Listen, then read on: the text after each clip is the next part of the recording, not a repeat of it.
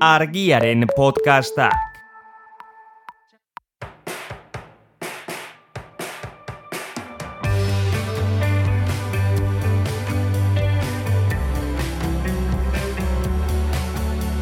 Menda Bikoitza, Garbinelarrearen podcasta. Ongi etorri, Menda Bikoitza du izena saio honek, podcast honek, eta hau dugu gure gaurko lehenengo saioa. Saio honetan hizketan ari zaizuena Garbine Larrea, baina ez Garbine Larrea bakarrik, izan ere ni esatari hariko naiz, esatari lanetan, baina teknikari gabe ez da egiten saio hau, teknikaria eneritzar zailuz. Ongi etorri. Kaixo garbine. E, teknikaria ikusten dutzuen bezala ez dugu kondenatu kristalatzera, ez dugu kondenatu mututasunera, e, tartean behin nik nahiko nuke, berak zerbait esatia. Mikrofono eta guzti. Mikrofono eta guzti, horregatik bi mikrofonorekin ari gara. eta, bueno, saio honetan e, zendabelarren inguruan arituko gara. Izan ere, ba, naiz liburuetan idatzi sendabelarrei buruz, naiz artikuluak idatzi, e, itzaldiak eman, e, ikastaro, tailerrak. Bueno, sendabelarren inguruan oraindik ere asko dago esateko. E, sai honetan hor kabitzen ez zaizkigunak nahiko genituzke ba, ba bueno, ekarri, nahiko genuke kontakizun bat baino gehiagok leku hartzea hemen, istorioak, nahiko genuke baita elkarrizketak izatea, gaurkoan izango dugu lehenengoan e, beste sendabelar e, liburu bat egindako egile bat, nekanen martiana izango dugu, Eta dudari gabe, zuetako askok nahiko dituzue aholkua, gomendioa, garaian garaian zer egin dezakegun, orduan, bueno, hoiek izango dira, ba, gure saioaren nondik norakoak. Behin hau esan da? Bueno, behin esan da, ba, lehenengo, bueno, egitura gisa, saio honetan sendabelarren inguruko, sendabelar jakin bat edo bi hautatuko ditugu saio bakoitzean, elkarrizketan saiatuko gara beste ahots bat ekartzen, e, proposamenak egiten ere bai, Baina, bueno, gehien batzuek harritzea nahiko genuke. Sendabelarrek bai dituztelako gai harrigarriak, beraien inguruan, orduan, bueno, gaurko lehenengo landarea errosta izango da, berarekin hasiko gara.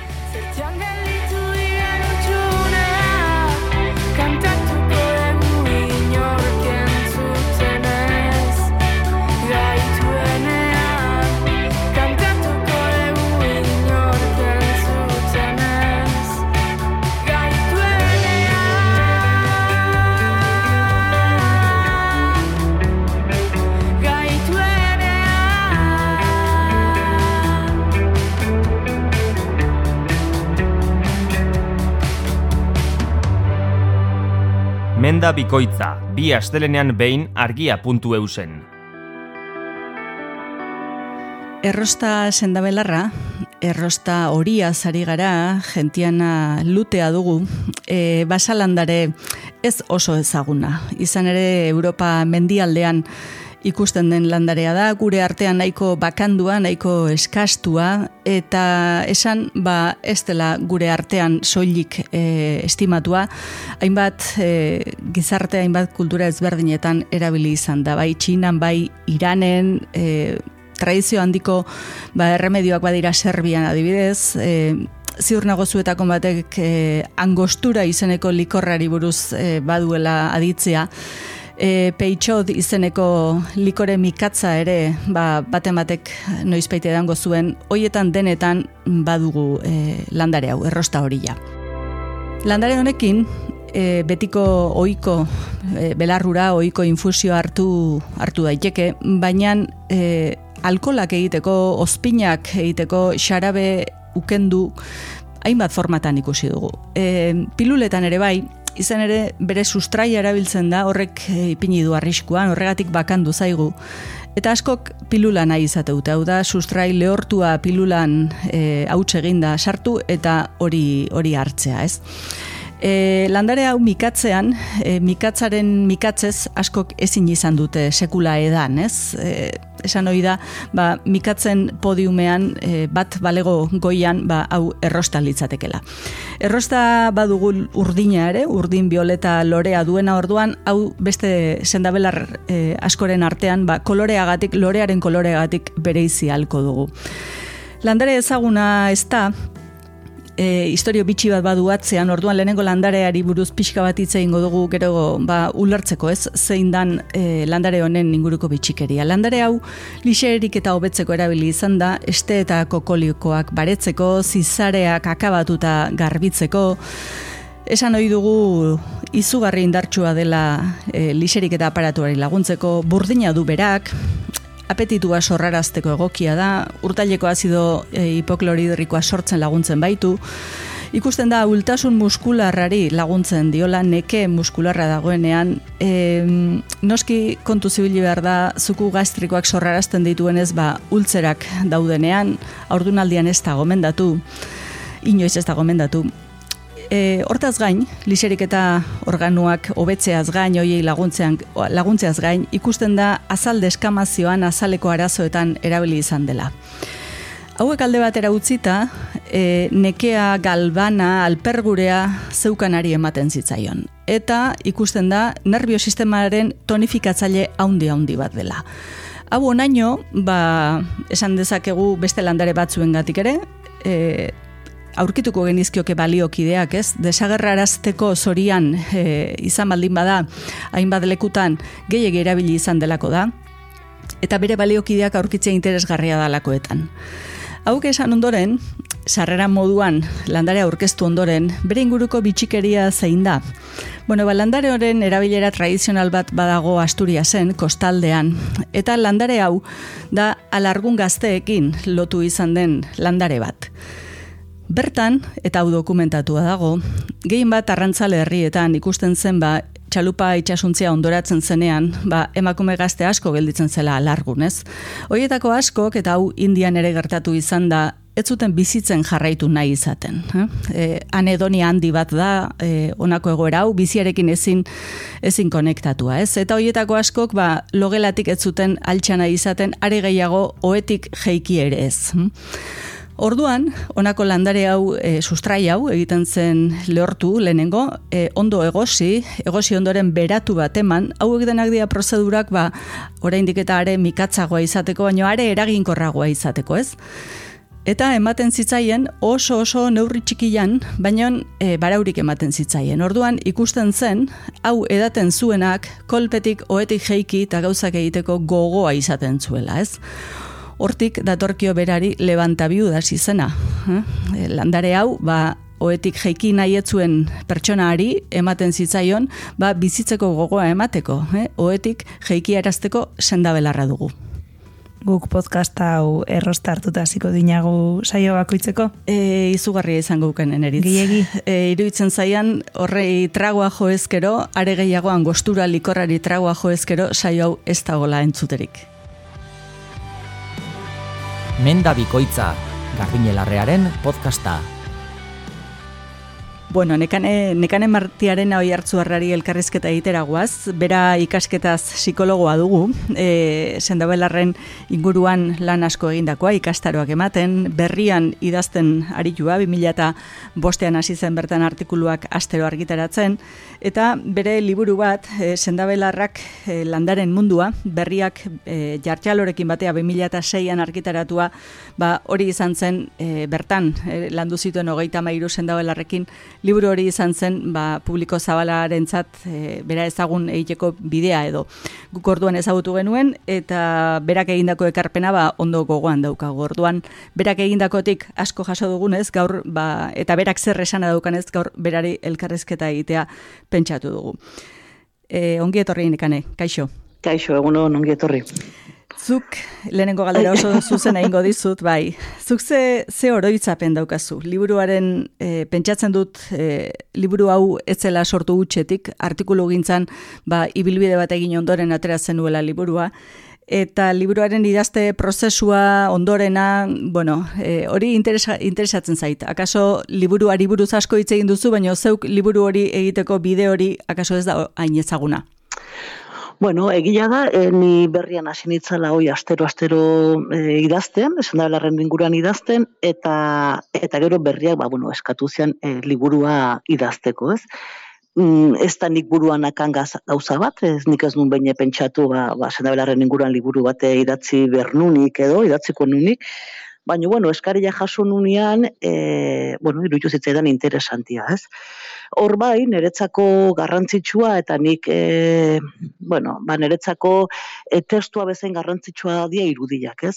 Zeneri pasa ezan du zait, e, ni pixka bat e, nere kabu zibilinaz e, ikasten eta jortzunen baserriz baserri, eta eta bai gertatzen zitzaidan liburuak hartzen itunean e, ikasteko edo ez, e, xaltxan aitzeko edo, askotan e, liburu hoitan e, e, enun ondo bere isten zeintzen marrazkia, zeintzen argazkia, askotan e, argazkiak igual belar bat baino gehiago zeuden, edo marrazki bat zen, ez, liburu hori adierazteko, belar hori zeintzen adierazteko modua edo, Eta ordu nik bai eskatu nun, e, nahi nula e, argazkilari on batekin e, argazkilakin, eta nik egon nahi nula argazki guzti horietan, nik etxan nahi nula, bueno, argazkila hau jarriko dugu liburuan, ez? E, iruditzen zitzea dalako, ba, bueno, e, belarra asko ditugunak e, kalian e, ezaguna diala, baina ez dakigula da belarra diala. Orduan, e, visualki iruditzen zitzaidan garrantzitsua, eta eta hola xin genuen, e, testuak sortu nitunik, baina gero ba, Juantxo egainakin, e, bilen itzani, e, zelai zelai, e, argazki argazki, ba, ba hoi ateratzen, ez? Eta, bueno, ba, gero nik ustut emaitza e, garai hortan, edo, bueno, hain badia urte batzuk, e, etze hon material asko euskeraz, e, etze hon, e, eta, eta jo, nik uste dut oso garrantzitsu izan duzela, be euskeraz, e, sendabelarran liburu bat, e, ateratzia, ez? Eta nik uste jendeak ere eskertu zuen, ez? Gaur egun ja igual gauza gehiago badago, baina baina momentu hortan jendeak ere eskertu zuen, ez? Euskaraz materialak e, sortzia, ez? Bai, dudari gabe 2006an leku garrantzitsu hartu zuen liburu honek, e, gerora ikusi dugu ez ditula edizio gehiago izan eta hau askotan galdetzen didate hainbat lekutan oraindik ere zergatik liburu hori eskuratu nahiko genuke, hau akaso galdera ez dakizuri dagokizun, ez da e, oso galdera sakon ere, galdera praktikoa da, baina nik bai nahiko nuke, bai, e, oraindik bai. ere zure liburuak edapen handiagoa izati, hain zuzen zukor landu mm dituzun hainbat gai eta landu dituzun hainbat landare, ba, ba ekarpen handikoak dialako, ez? Eta eta niri garrantzitsu eritzen zait oraindik ere zure liburuak jarraitu dezakela ibilbide bat egiten. Bai, bai, bueno, hor gero gertatu zen, e, liburu hori e, atera zen gaztelaniaz, e, onditxua, hor egoita mairu belar daude, berrogeita marreakin e, atera zen gaztelaniaz, eta atera zen frantxez, ez baita ere eta eta euskeraz ba hortxe gelditu zen, ba berriak bere garaien aterazun eta e, aterazun promozio moduan gaina, ez? Ba hor etzen jarri salgai dendetan, liburu hori ez da sekule egon salgai dendetan, ez? E, dakan jendiak da ba bere garaian berriako promozio hortan aterazulako, ez? Neretzako pertsonalki ere pena bada, pena bada, liburu horrek ez izatia e, segida, segida gehiago ez izatia, ba horrexegatik, eh? iruditzen zaidalako euskeraz materiala sortu behar dugula e, arlo guztitan, ez? Eta senda belarretan ez dago material asko euskeraz, eta atrebentzio oso esango dut, e, e, liburuan argazkiak lehen esaten bezala oso onak dira. Orduan, iruditzen zait, e, bueno, ba, liburuak eduki barko lukela e, segida bat, ez? Baina ez da esku, segida hori ez da esku, eta bai, niretzako ere pena, niri jende askok ere esaten dit, e, liburu hori nahiko genuke, nola lortu datek euskeraz, e, eta eta ez ni bintzat ez dut aukerarik hori e, berriz e, publikatzeko, edo, bueno, ba, ba, azkenian berriak erabaki behar duen gauza bada, ez? Ederki, argitua gelditu da. Eta hemendik balio baldin ba dezake honek, ba, ba dagoki honai iritsi, iriste baldin ba zaio, ea aukera daukagun, eh? Hain zuzen durangoko azokan da, oraindik ere jende asko galdetzen dialako zure liburua, eh? Eta, eta urteak pasarren ikusten da, ba, e, elkarren ba, lagungarri izan gaitezkela, ez? elkarren osagarri. Nekan ezuk liburu atera ondorenean e, liburu batek beti du fase ilun isil bat, ez, kobazulokoa, idazketarena, baina gero justu kontrakoa den fase bat, ez, ikaragarri ba, publikoa eta mediatikoa, hmm. eta, bueno, esposizio handikoa. Zuk ondorenean, hmm. etzenun jarraitu divulgazio lan egiten? Ez, ez, e, niretzako hau izan du da beti afizio bat. Egia da, txiki txikitan diko afizio bat, eta eta ibilinaz, bueno, basate izut, e, oi hartzungo baserritan asko ibilinaz ikasten, eta, eta, bueno, ba, beti txikitan ez naizu oparitzea, ba, senda belarra liburu bat, ez? Eta, eta kolekzio ederra dut, eta liburu horiekin ibilinaz, e, xaltxan, ez? Eta e, urte horietan, ba, ba ibilinaz, baita ere, e, ba, ezakit, aekak deitzen bazian, edo ikastola bate deitzen bazian, edo ibilinaz, herri e, bateko elkarte bat, edo ibilinaz e, zabaltzen, eta ba, ba matentzialako pena, e, e, bueno, ba, ba euskeraz etzeolako e, garai hortan, gaur egun ja jende gehiago do, ba, aditua eta aritua, ez, mundu hontan, ez? Baina orduan nik uste dut etzeola jende, eta eta nik nahi nun ez zabaltzia, senda belarren mundu zabaltzia, eta, eta bereziki euskera zabaltzia, ez, gure gure amaizkuntzan, ez? Orduan bai, ibili nitzan garai batian, ba, ba bueno, e, zerri, eta deitzen ziaten tokitatikan, ba, ba zabaltzen, ez? Baino baino nik beste hogi bide badut. Ordun eh zaila ikan zitzaidan nere e, hogi bidean nere egunerokotasunean e, gero famili bate hiru seme alabana manaz eta bueno ba ba egintzait zaila afizioa ofizio bihurtzia e, nakanian beste lanbide bat eta ez. Ordun ba bueno ba poliki poliki e, Jonas e, e, sendabelarrak ez dian ere ogibidea, e, eta orduan ba, joanaz nire ogibidean aurre egiten, nire, nire lanian, eta sendabelarran mundu hori et, beti auki dut, baino enaz jon, e, enaz jon nire ogibide bihurtzen e, sendabelarrak. Bueno, zuk aipatu dituzu adituak eta arituak, e, niretzat zeuzea hauetako bat, eh? asko aritutakoa, eta iruditzait hortik egiten dela bat aditu ez, E, oi hartzuna aipatzen duzu bertakoa zea, e, oi hartzunen e, tradizioa handiko gaia da, lan bai. asko egindakoak zarete bertan, jarraitzen dezue horretan, eta badia Euskal mm. Herrian hainbat leku, ba, ikusten da bereziki atxikimendu handia, ez, gai honekin, e, gure ondarea dugu hau, ondare inmaterialaren mm. parte bat da sendabelarrena, eta bai. e, transmisioa egiteko askotan ikusten da jasotzen lan bat egin beharra dagoela, zuzeu jasotzen lanean ibilitakoa zara. Bai, bai, nik, e, zute, bere garaian e, ibili nintzen oi hartzunen baserriz baserri ikasten, e, mengo atxona monakin ikasten, eta gero, e, bueno, nik e, ludoteka bat ilan egiten dut, aurrak ilan egiten dut, eta hemen ere e, ludotekan e, aurrari, ba, bueno, ba, sendabelarrak erakusten dizkilet, e, herrian bi eskola ditugu, e, ikastola bat eta herri eskola bat, hor ere urtero aitzenaz e, e, aurreri sendabelarrak erakusten, eta, bueno, esan dut, aukera duten guztitan hor nabil e, transmisio horretan, ez? iruditzen zaidalako e, behar beharrezkoa eta eta oso garrantzitsua, ez? E, bana, eta eta ez da sendabelarran e, gaia bakarrik, ez? Hor, bueno, niretzako zehar ere, ba, euskeraz, e, natura zaintzen dugu, ez? Bueno, ba, balore askota zeke jore sendabelarran bitartez zabaltzen dizkilegu gure gaztetxo eta ez gaztetxoei, ez? Nekane izen propio bat esango dizut, oi hartzuarra, ni ez noa bere ezer esateran, zuk aurkestean nahiko nuke, Marian Ostolaitz. Bueno, ba, Marian Ostelaiz da gure ondaria baita, lehen osaten zen ondaria, ez? Bueno, ba, Marian Ostelaizek ere oso lan politia indu, ze, bere senda belarrakin, senda belarrak lotu ditu, ez, e, bertsuak ilotzen zituen baitare, eta, ba, bueno, beha izango da lehenengotako bat ere euskera zaurren inguruan zarbate intzuna, eta, eta bueno, ba, badakitzuke asko estimatzen zula Mariano, eta, eta bueno, ba, lan bikaina pertsona bada, ez? Pixka bat buelta emango bai. diot gaiari, zuri hemen aritu izanak, ez? Esparro honetan aritu izanak, zuri zeuri zer eman dizu pertsona gisa? Bueno, neri eman dit gauz asko, eh? eman dit eh, batetik, eh, ba, ni asinitzen hemen oso gazte, ba, ni amazazpi mezortzi urtekin, eh, oi hartzungo baserretan enbilen, eh, atxona monakin, eh, niretzako, eh, senda belarrak ikastiaz gain, eman dit guratxo namonakin euteko e, aukera ikaragarri bat. E, e, neretzako e, atxo namonak e, gaur egun ere asko dia, ez? Gaur egun ere orain dela gutxi arte atxo namonak lan egiten nu baita ere, ez? E, Aixi aldian atxo namonakin, ez?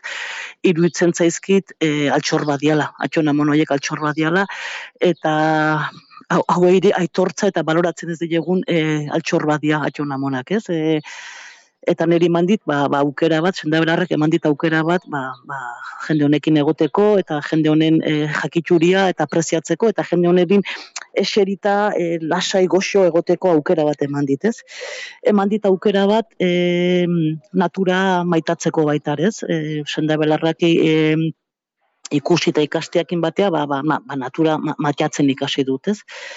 Eman dit, e, bueno, ba, alternatiba bat e, badagola ikusteko aukera bat, ez? E, ezin dugula hemen dena amen, amen, amen egin, eta eta esaten digutena itxu itxuan e, sinistu, eta, eta bueno, badaudela beste bide batzuk eta beste aukera batzuk, ez?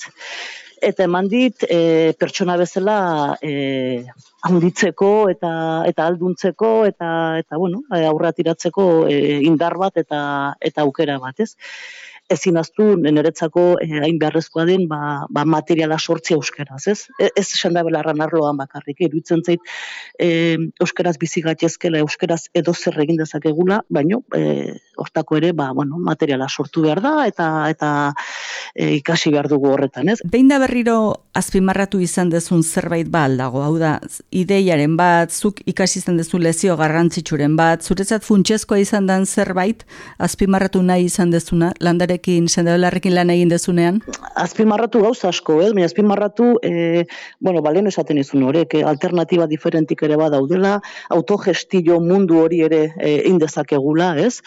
E, natura zaindu behar dugula, e, belarrak ere, ez da, ez da ezagun pentsatu e, naturatik ateratzen ditugunez, e, e, bueno, erabilitzak egula nahi dugun bezala, ez? E, sani dut azkenin, e, hor ere bado, e, ba, ez dakit, arautegi bat, edo, bueno, esan nahi dut, badago horre nola erabili, ez? E, badago zaintza bat, ezin dugu sendabelar bat edo zen ah, hartuko du nola natura andon, hartuko dut, egin dut honekin nahi duten, ez? Edo ipurditik zainetik aterako dut, eta, bueno, zainetik ateratzen badugu belarroi, ez badugu zaina bergero ez da berriz jaioko, eta, bueno, olako zea batzuk, ni joten azen nola i, no mate formakuntza bat ematea do zaratik baditu lako gauza batzuk bai aipatzen ditudanak. Ez olako zerrendatxo bat badakat e, non biltzen dugun ere zaindu ez? E, batxakurran txixak e, kutsadura bueno e, konsumismo fuerte hori ere zertako berdu. Kriston belar pila hartu gero ez badugu erabiliko ez? Ukendu pila bat ingero ez badugu erabiliko bueno. bai era bat bizi eskola bat ere bada ez E, bai. Bukatze aldea, az, azkeneko bai, galdera bai, bai, ez dakit galdera dan edo eskaria dan, zuk zerrentzu nahiko zenuke irrati podcast honetan? Bai. Hau zendabelarren inguruan aritzeko saio bada, zuri zer gustatuko litzaizuke hemen entzutea? Ez dakit, niri iruditzen zait e, e, komunikazioa eta divulgazioa eta e, transmisioa behar beharrezkoa dela e, bizitza honetan denian, eh?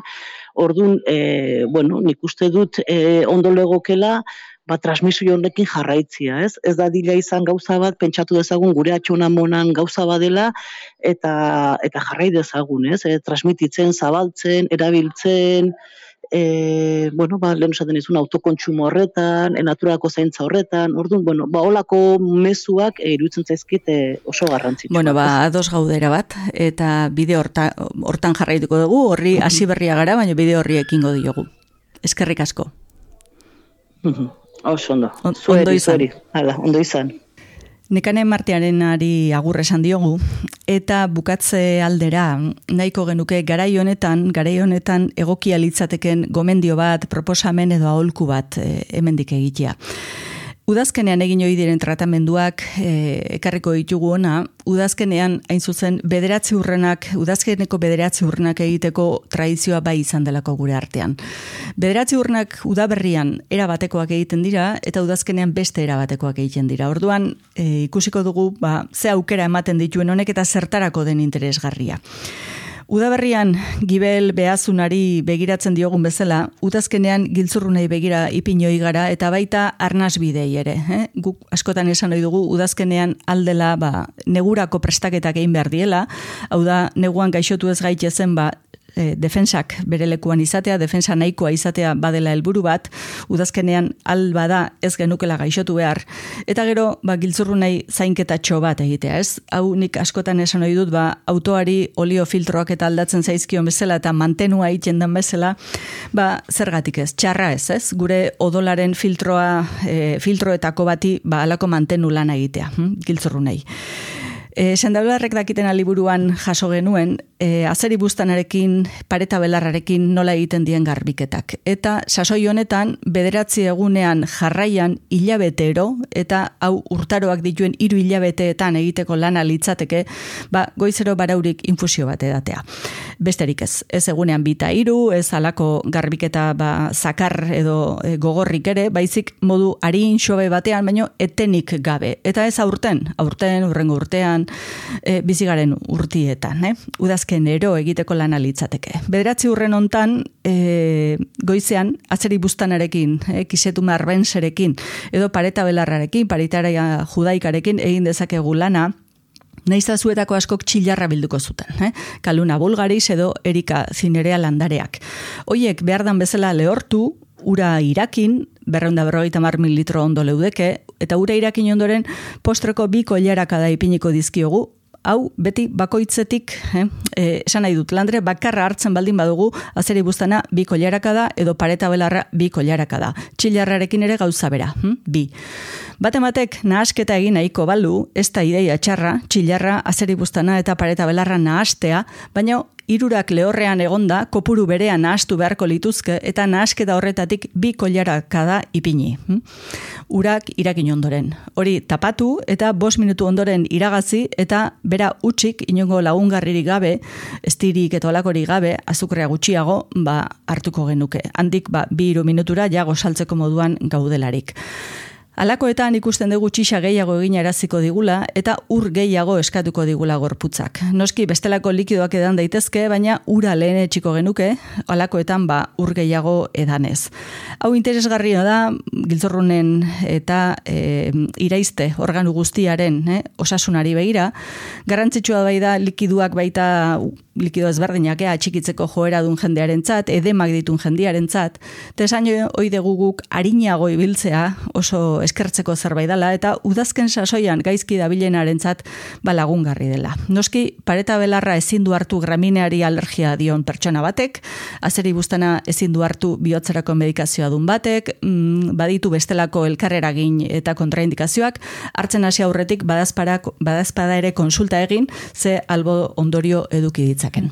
Eta hau bederatzi egunez? Hau bederatzi egunez, jarraian, e, jarraian e, berez hilero egiteko lana litzatike, orduan, bueno, e, ikusi, batera zintasunak aurrena, baina nire gomendioa da, ba, bederatzi egun egiten jarraian egitea. Baten batek tensio oso bajua balu eta horrek, ba, oraindik gehiago geisteko arriskua izan dezake, e, nasketa egiten bada batez ere, ba, bi egunez behin hartu. Ez bederatzi egunak jarraian, baizik erdian eten bat eginez, deskansua eginez. Eta akaso, ba, bi kolerak da ipini ordez bakarra ipiniz, dosifikazioa bana, txikituz, baina niretzat merezi duen tratamendua da. Mm. Oso, no? Ta beste gomendi horik ekarri aldun? Uste dut oixe dunala, esateko daukadana, uste ina torrekin bukatzeko moduan aizela. Urren arte. Argiaren podcasta. Podcast hau libre eta doan zabaldezakegu argiaren komunitatea osatzen duten milaka lagunek proiektua diruz babesten dutelako. Zuk ere kazetaritza independentea babestu nahi baduzu egin argiako kide. Argia, txikitik eragiten.